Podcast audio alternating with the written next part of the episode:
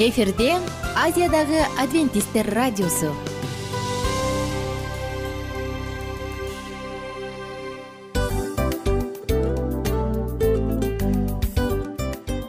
Достор салют. Баардык сүйүктүү угармандарыбызга салам айтабыз. Кутман күнүңүздөр менен. Ден соолук өмүрдүн булагы демекчи саламат саамы программасында баарыңыздарды көргөнүбүзгө абдан кубанычтабыз. Анда алгач амандашып өтөлү арбаңыздар деп. Ден соолугуңуздар кандай элибизде көбүнчө ден соолук кандай дегенде эле жакшы деп жооп беребиз э? ооруп турсак дагы жакшы дейбиз. Анан мен муну айтып ойлойт элем бул абдан сонун сөз депчи анткени бул жакшы деген үмүт да э ооба баары жакшы болот. Баары сонун. Деп үмүттөнүп атып эле өзүбүздү өзүбүз дарылап коебуз. Анысы кандай сиздин дагы ден соолугуңуз жакшы беш деген үмүттөбүз чындыгында ден соолук бул өмүрдүн булагы деп бекеринен айтылган эмес деп ойлойм. Кыргыз элинде анткени эгерде ден соолук жок болсо анда адамдын жашоосунда калган баардык керектүү маңыздуу нерселер өзүнүн баалуулугун жоготуп коет. Ошондуктан ден соолук бул эң керектүү нерсе. Ооба туура айтасың кесиптешим. Чынында ден соолугуң жок бир эки үч күн ооруп калсаң эле э кандай болуп калат? Жашоодо көз каранды болуп каласың көп нерсеге жетишпей каласың көп нерсени кыла албай каласың жада калса эшикке дүкөнгө да чыга албай каласың. Туптуура анан ден соолук болсо демек биз биздин бактыбыз тотой деп койсок болот.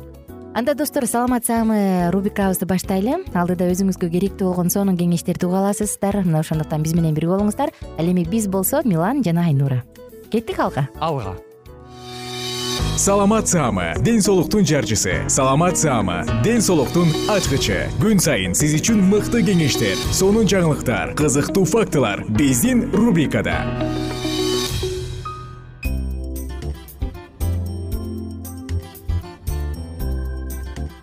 Салам достор. Жалпы угармандарыбызга ысык салам айтабыз дагы. Биздин кийинки циклды баштадык бул уктуруубуздун аты уюштуруучулуктун деңгээли. Радио угарман эгерде мен баардык адамдарга же болбосо адамдардын көпчүлүгүнө ирээттүүлүк жана уюштуруучулук жагат десем жаңылышпайт болушум керек туурабы? Анткени ар бир адам биз порядок деп коет эмеспизби ирээттүүлүктү жактырабыз. Бирок биздин дүйнөдө дүйнө боюнча адамдын денесинен дагы укмуштуу уюштурулган эч нерсени көрүүгө болбойт. Эң эле укмуш уюштурулган бул биздин денебиз. Анда ар бир система ар бир орган атомдорго чейин мунун баардыгы тең эң эле оптималдуу иштеп мыкты кызмат кылышат. Эмесе достор бүгүн биздин организм кандай уюштурулган? Ушул жөнүндө айтууга дагы убакыт келди окшойт. Келиңиздер. Эң эле алгач биздин денебиздин организмдин саякатына бет алабыз. Өзүңүздү күзгүдөн карап көрүңүзчү. Чындыгында кандай гана укмуштуу жаратылгансыз. Сиз сулуусуз татынакайсыз ар бир мүчөңүз ордунда таң калыштуу чынбы эми ушул организм кантип иштеп жатат? Кандай система бар? Ушунун баардыгын кыскача болсо дагы карап өтөлүк. Система бул бири бири менен байланышып оор функцияларды аткарган органдардын тобу. Мисалы бизди энергия менен азыктандыруучу заттар менен камсыз кылыш үчүн тамак сиңирүү системасы иштейт. Баарыбыз тамак жейбиз. Алар азыктандыруучу заттар организмге сиңип канга кошулгандай кылып биз жеген тамакты иштетишет. Курсак тойду эми туруп бир жака баргыңыз келе баштады. Мындай каалооңуз таяныч кыймылдаткыч система аркылуу ишке ашат. Ал болсо ары бери жылдырат же кол салуу же коргонуу сыяктуу кыймылдарды ишке ашырат. Дагы организмди энергетикалык же пластикалык ресурстар менен камсыз кылган системалар бар. Бул дем алуу системасы кан айлануу тамактануу бөлүү кан лимфа системалары ткандар арасындагы суюктук ликвора айтор талтыра. Ошондой эле сырткы чөйрө менен дагы жана өз ара организмдин ичиндеги дагы коммуникативдик ролду камсыздай турган регуляциялоочу система бар. Булар нервтик эндокриндик жана иммундук системалар. Ар бир система чогуу функциясын аткаруучу органдардан турат. Мисалы жүрөк кан тамыр системасы жүрөк артерия тамыр майда тамырлар жана кандан турат эми болсо орган жөнүндө айтсак. Орган орган деп көп угабыз э? Органдар дегенде эле биз көрүнүктүү органдарды санайбыз. Жүрөк боор өпкө дейбиз. Эми булар тууралуу кененирээк айтсак. Орган кийинки кезекте көңүл бура турган денебиздин бир бирдиги. Ар бир орган системанын ичинде белгилүү бир функцияны аткарыш үчүн чакырылган жана ал ага тиешелүү болгон формасы түзүлүшү менен айырмаланат анткени өзүнүн функциясын аткарууга ылайыкташылган. Орган регулятордук структураны дагы камсыздай ала турган өтө татаал жана өнүккөн система аркылуу дагы мүнөздөлөт бул кан жана лимфоздук кан тамырлар нервтер биологиялык суюктуктар үчүн жолдор дем алууну камсыздаган жолдор суу жана азыктандыруучу заттар жашоо бере турган азык түлүктөр. Көптөгөн органдар атайын функциясын аткара тургандай болуп ыңгайлашкан алар ага тапшырмасын милдетин аткарганга жардам берет. Булар сфинктерлер экскрециянын азыктары үчүн кеңдиктер жана башка азыктар. Ар бир органда ткандардын баардык түрлөрү бар. Бирок ошол ткандардын бири бул негизги болуп саналат. Анткени ал башкы ролду ойнойт. Мисалы боордо өпкөдө бөйрөктө бул ткань эпителиалдык ткань сөөктө байламталык мээде нервтик. Байламталык ткань ар бир органда таяныч механикалык трофикалык функцияны аткарып органдын байланыштуу ткандык каркасын түзөт. Тагыраак айтканда анын стромасын. Ал эми булчуң ткандары кан тамырлардын стенкаларын лимфоздук кан тамырларды тамак сиңирүүчү системаны дем алуу жана зара чыгаруу жолдорун жаратууда катышат нерв системалары нервтер аркылуу көрсөтүлөт. Жалпысынан ткандар клеткалардын системасынан клетка аралык заттардан турат дагы жаңылануу түзүлүү жана аткаруу функциялары аркылуу байланышат. Ошентип акырындык менен денебиз түзүлгөн майда майда кирпичтерге келдик. Клетка. Клетка бул микроскопикалык структура анын диаметри миллиметрдин жүздөн бир бөлүгүн гана түзөт клеткаларды аткарган функциясына жараша формасы көлөмү жана түзүлүшү боюнча дагы айырмалашат. Бир системанын ичиндеги клеткалар өз ара окшош. Мисалы булчуң клеткалары узун жана ичке алар жыйрылып жана созула алышат ошондуктан дене кыймылдайт. Нерв клеткаларынын көптөрү дагы ичке жана узун бирок алар импульс жеткирип турууга чакырылган. Кызыл кан клеткаларынын формасы тоголок алар кислород менен көмүр кычкыл газын ташыйт өттүн клеткалары сферикалык формада алар инсулиндин гормонун калыпка келтирет. Ушул баардык вариацияларга карабастан ар бир клетка ядро кабыкчадан турат. Клетка бул эң эле майда тирүү бирдик. Ар бир клетка татаал дүйнөдөн турат. Анда миллиондогон химиялык молекулалар бар. Алар болсо өз ара катнашта. Ооба молекула дагы бул заттын эң минималдуу саны. Ал өзүнүн баардык химиялык касиеттерин сактайт алар экиден бир нече миңге чейинки ар кандай сандагы атомдордон турат. Эми болсо акырында атом жөнүндө айтсак атом бул химиялык элементтин эң эле кичинекей бөлүгү. Атомдун негизги бөлүгүн электрон протон жана нейтрондор түзөт. Жыйынтыктай кетсек достор караңыздарчы атом молекула клетка ткань орган органдардын системасы бул этаждардын баардыгы тең тирүү жандыктын этажы же болбосо тирүү жандыктын өзгөчө бир уюштурулган бөлүнгүс нерсеси. Дал ушул нерселер бизди тирүү кылып турат. Мунун баардыгынын аркасында дал ушул нерселердин аркасында биз адамдар тирүүбүз. Биз өрчүп өнүгө алабыз өзүбүздү өзүбүз өндүрө алабыз жана регуляция кыла алабыз. Мунун баардыгы тең кыймылдуулугу жана бекемдүүлүгү туруктуулугу менен айырмаланат. Ардактуу угарман эгерде сиз буга чейин өзүңүздүн денеңизди баптабай келген болсоңуз анда күзгүдөн бир сыйра карап коюңуз дагы сизде миллиондогон клеткалар укмуштуу кереметтүү жаратылган органдар бар экенин карап суктанып коюңуз. Сиз өзгөчөсүз сиздей эч ким жок. Кайрадан амандашканча сак саламатта туруңуздар саламат саама ден соолуктун жарчысы. Саламат саама ден соолуктун ачкычы. Күн сайын сиз үчүн мыкты кеңештер сонун жаңылыктар кызыктуу фактылар биздин рубрикада. Салют замандаштар баарыңыздарга ысык салам. Дил маек программабызга кош келиңиздер. Дил маек рубрикасы дегенде эле бул эмне болгон дил маек ким менен маектешебиз деп сурайт болуш керек угармандарыбыз бул рубриканы кыскача тааныштыра кете турган болсок ар тарап кесип ээлеринен болгон сонун интервью кеңештер бар. Ооба. жылдыздар менен болгон маек бар. Аталарыбыздын агаларыбыздын чоң аталарыбыздан сонун кеңештер бар. Ошондой эле эже сиңдилердин кеңештери бар айтор. Баардык кызыктардын баары алдыда. Негизи эле адам баласы бир кимдир бирөөнө ишенип сырын ачкысы келет эмеспи э мындай баарлашууга жакын келебиз го? Албетте негизи бир жерге отуруп алып кенен шашпай баягы жүрөктөн жүрөккө ачып сырларыбызды ар кандай көйгөйлөрүбүз менен бөлүшүп баягы чын жүрөктөн маек курганды кимибиз сүйбөйбүз э? Ооба десең ал нерсеге суусап да келебиз да? Ооба кээ бирде адамга чындыгында баягы э, ысык маек баягы жылуу маек жетишпейт да. Ошондуктан биз ушул рубриканы ойлоп тапканыбызда эң биринчи эле достор сиздер менен чын жүрөктөн бир маңыздуу темаларды козгоп кеткени э, кааладык. Ошондуктан ушундай сонун бир рубриканы тартуулап жатабыз. Анын үстүнө радио дагы сонун дос да анткени э, мындай учурда досуңа айтсаң досуң досуна айтат досу досуна айтат да анан бүт өлкө билип калышы мүмкүн го.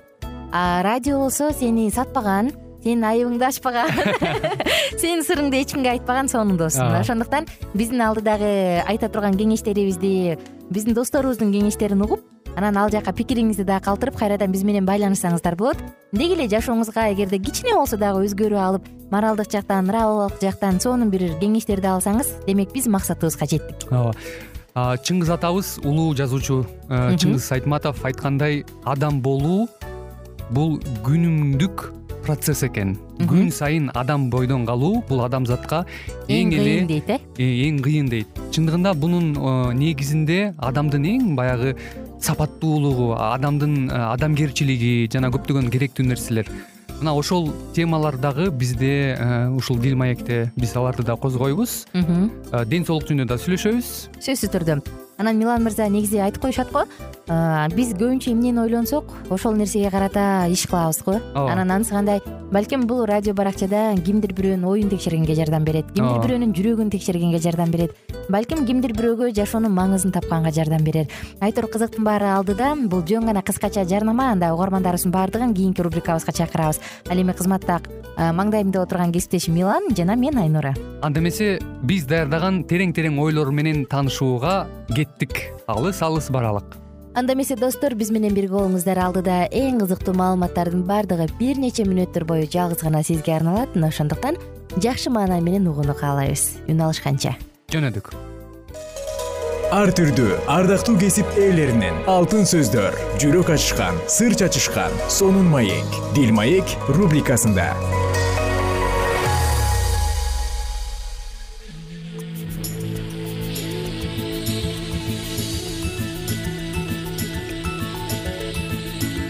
Саламатсыңарбы достор. Биз бүгүн кыргызстанга саякат рубрикасын баштайбыз бүгүн каяка саякат кылабыз деп ойлоп жатсаңар биз бүгүн сафет булаң шах фазыл мемориалдык комплексинин тарыхы жөнүндө сөз кылабыз. Ассалому алейкум кыргыз калкым. Мен бүгүн сиздердин кээ бириңиздер билбеген ислам дининин тарыхында жана өнүгүүсүндө чоң оруну бар ала бука районунда жайгашкан сафет булан айылында жайгашкан шах фазел мемориалдык комплекси жөнүндө сиздерге аз болсо дагы маалымат бергим келди. Аны дүйнө элдери билген менен өзүбүз дагы кээ бир учурда билбесек керек. Анда эмесе биздин уктуруубузга назар салыңыздар.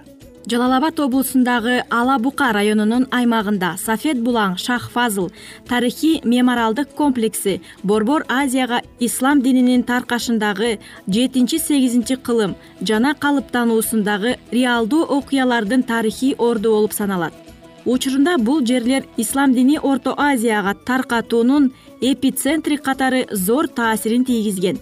Айрым иликтөөлөрдүн караханиттер дөөлөтүнүн өнүгүшүнүн факторлору катары ислам динин жалпы мамлекеттик идеология катары кабыл алгандыгын орто азия жана казакстандын аймагында ислам дүйнөсүнө тартылышын карашат караханиттердин ал мезгилиндеги шаарлары маданияты искусствосу жана архитектуранын топтогон борборлору болгон. Жетинчи сегизинчи кылымдарда борбордук азияда ислам динин таркатуу боюнча арабтардын жүрүштөрү башталат.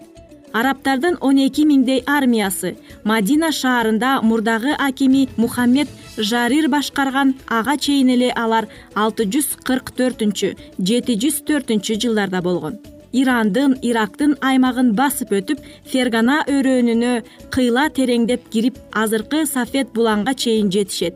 Ошол жердеги мечитти жума намаз окулуп жаткан кезде эки миң жети жүздөн ашык мусулмандардын алардын ичинен сахабалардын табейиндердин баштары алынган. Ал баштар бир жерге топтолуп көмүлүп ал жер калпаккана деп аталат ал эми денелери андан үч жүз метрдей аралык алыстыкта жерге жашырылган. Ал жер шейиттер кабыры деп аталат. Бул маалыматтар жүргүзүлгөн казуу жумуштарынын натыйжасында негизинде баштардын саны гана эмес. Ошол баштар кылыч менен кесилгендиктери аныкталган. Жалпысынан бул жерде эки тараптан келген арабтар жергиликтүү жашоочулар да көп миңдеген адамдар курман болушкан мухаммед жарир башчылыгында тирүү калган арабтар кайра арабстанга кетүүгө аргасыз болушат. Арадан кырк жыл өтүп мухаммед жарирдин уулу шах фазыл кайрадан ушул жерлерге келип ислам динин биротоло негизги динге айландырууга өзүнүн чоң салымын кошкон. Бул маалыматтар борбордук азияга ислам дининин жайылышын трагедиялык жактарынан кабар берет бул жер ошентип борбордук азиянын жыл сайын он миңдеген адамдын зыярат кыла турган жери болуп калган. Сафед булаң он тогузунчу кылымда орус окумуштуулары василевский жыйырманчы кылымдын бартольд берштам бергер диаконов настич зацыпкин горячева сыяктуу советтик илимпоздору тарабынан изилдөөлөр жүргүзүлгөндүгү жөнүндө маалыматтар сафед булаң шах фазил комплексинин өзгөчө маанилүү тарыхый орду бар экендигин далили эмеспи. Мазар дөбөнүн мүрзө үстүндөгү моло таштардын окуп чечмелөө он тогузунчу кылымдын сексенинчи жылында башталып орус окумуштуусу арвенитаки сафед булаңга биринчилерден болуп келип моло таштарды көрүп алардан нуска чөгөрөт. Ал бир миң сегиз жүз сексен төртүнчү жылы алтынчы декабрда фергана облусунун аскердик губернаторуна сафед булаңдын моло таштары жөнүндө маалымат берет. Моло таштардан алынган нускаларды окуп чыккан окумуштуу василевский алардын эң байыркысы хижри жетинчи акыркысы төртүнчү кылымдарга туура келишин көрсөткөн. Ошондой эле кыскача маалыматка дагы токтолуп өтсөк ооба бул тууралуу көп эле элдерибиз билбейт чыгар. Бизге караганда башка элдер жакшы билишет. Бул жерде ислам динин таратуу маалында эки миң жети жүз жетимиш эки мусулман жума намазы убагында шейит болгон. Алар намазды ушунчалык берилип окугандыктан эч кандай кылычтын да үнүн сезбей калышкан. Ошентип душмандар алардын артынан бир четинен өлтүрүп кете берген алар жума намазды берилип окуп ар жума намаз учурунда бир узун сүрө окулуусун душмандарына бир аял айтып коет. Ал эми душмандар ошол окуяны угаар замат ошол узун сүрө окулуп башталган кезден тартып пайдаланып калат. Ал учурда ушунчалык көп мусулман шейит болгондуктан ал мечит азыркы күндө кыргын мечити деп аталып калган экен сафед булан байыркы коло доорунан берки эстеликтер сакталган тарыхый мемориалдык комплекс. Азыркы жалал абад облусунун ала бука районундагы падыша ата жана чанач сай сууларынын куймасында жайгашкан. Орто климатка тиешелүү кээ бир маалыматтарда испит булаң түрүндө жоолугат. Жана алардын ичинен он биринчи кылым он сегизинчи он тогузунчу кылымдарда курулган мавзолейлер менен коло таштагы араб жазуулары эң баалуу болуп эсептелет. Алардын кээ биринде так көрсөтүлгөн даталарды да кезиктирүүгө болот. Сафед булаңдын изилдөө он тогузунчу кылымдын сексенинчи жылында башталып моло ташка түшүрүлгөн жазууларды алгач орус окумуштуусу арвенитаки көчүрүп алган бир миң сегиз жүз токсон бешинчи токсон тогузунчу жылдары щербина крамаленко тарабынан жыйналган оозеки уламыштар боюнча жергиликтүү эл анын аталышын орто азияга ислам динин киргизген араб кол башчыларынын бири шах жырар жана анын африкалык булан деген күнүнө байланыштырганы көрсөтүлгөн. Анда намаз окулуп жаткан учурда шах жырар жана анын эки миң жети жүз жетимиш эки жоокери жергиликтүү тургундар кырып салып баштарын бир бөлөк сөөгүн бир бөлөк кылып талаага таштап кеткенде булаң сөөктү ар бирин өзүнчө жууп жерге көмгөн. Мындай маалымат жамиль каршинин эмгегинде да кезигет юнесконун тизмесине киргизүү үчүн сунушталган. Бүгүнкү программага назар салганыңыздар үчүн чоң рахмат. Кийинки берүүдөн сиздер менен дал ушул аба толкундан үн алышканча сак саламатта болуңуз. Ар түрдүү ардактуу кесип ээлеринен алтын сөздөр жүрөк ачышкан сыр чачышкан сонун маек дил маек рубрикасында жан дүйнөңдү байыткан жүрөгүңдү азыктанткан жашооңо маңыз тартуулаган жан азык рубрикасы.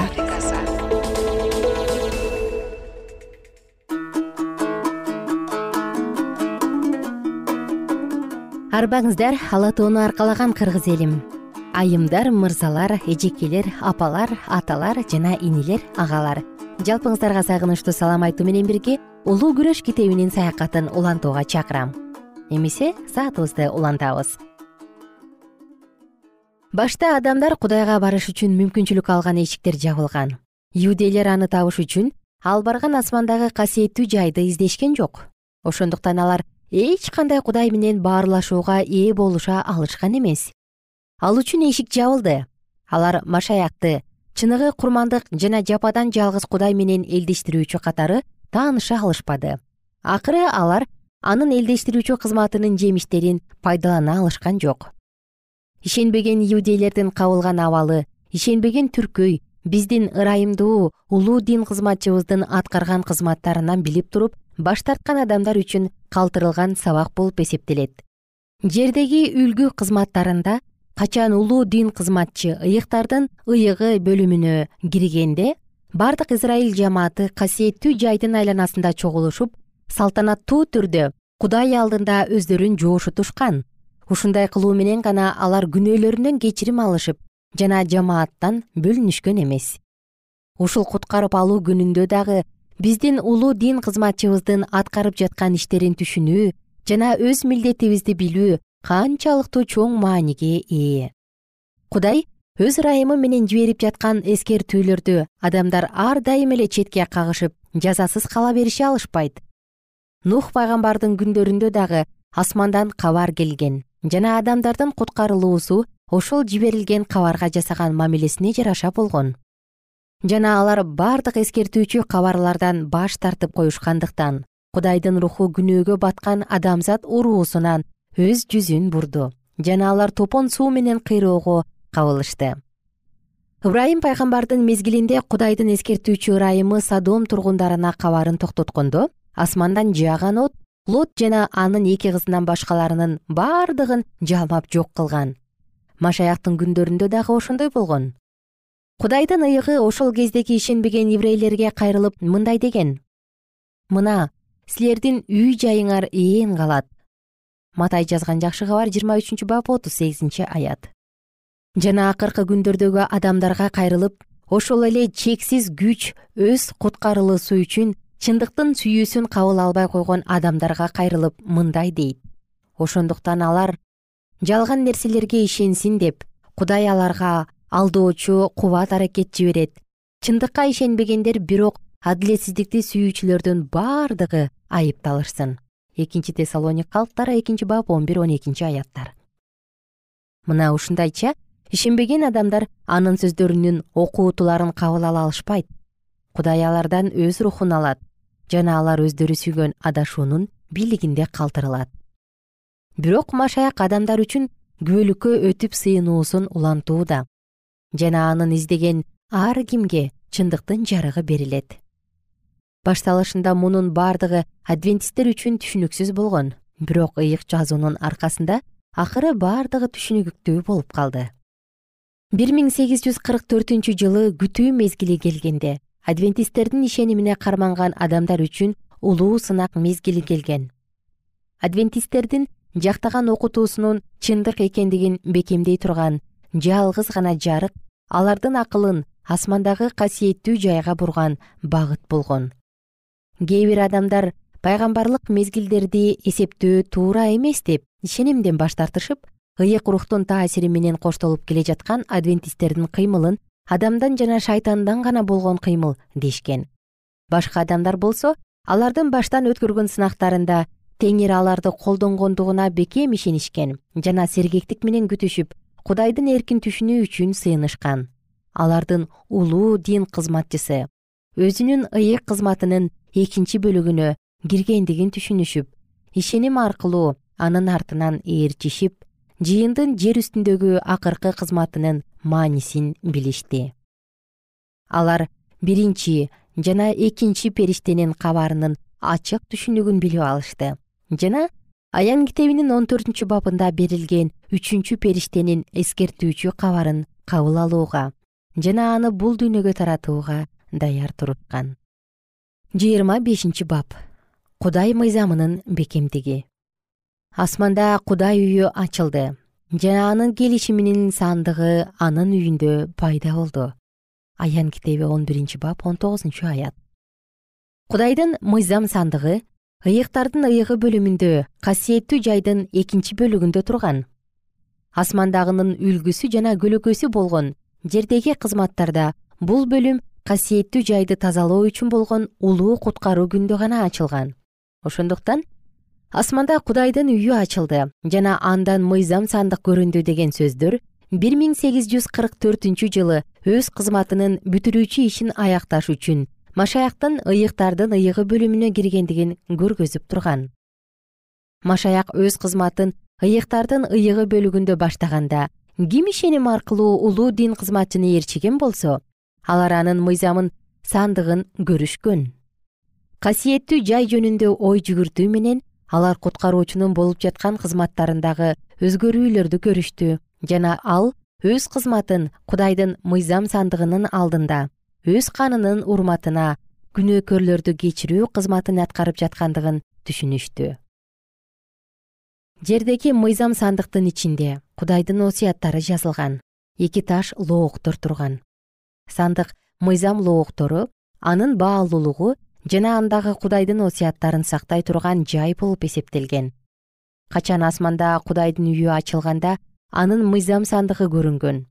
Асмандагы касиеттүү жайдын ыйыктардын ыйыгы бөлүгүнүн ичинде кудайдын мыйзамдары кастарланып сакталып турат. Бул мыйзамдар синай тоосунда чагылган чартылдап күн күркүрөгөндө тоонун башында теңирдин өз колдору таш лоокторго жазып берген мыйзамдар эле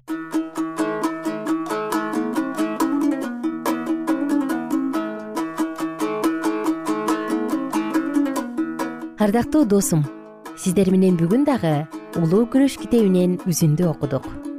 Жалпыңыздарга кааларыбыз жаратканымдын батасы дайым ал сизди улуу колдору менен сактап жүрсүн. Кийинки уктуруудан кайрадан амандашканча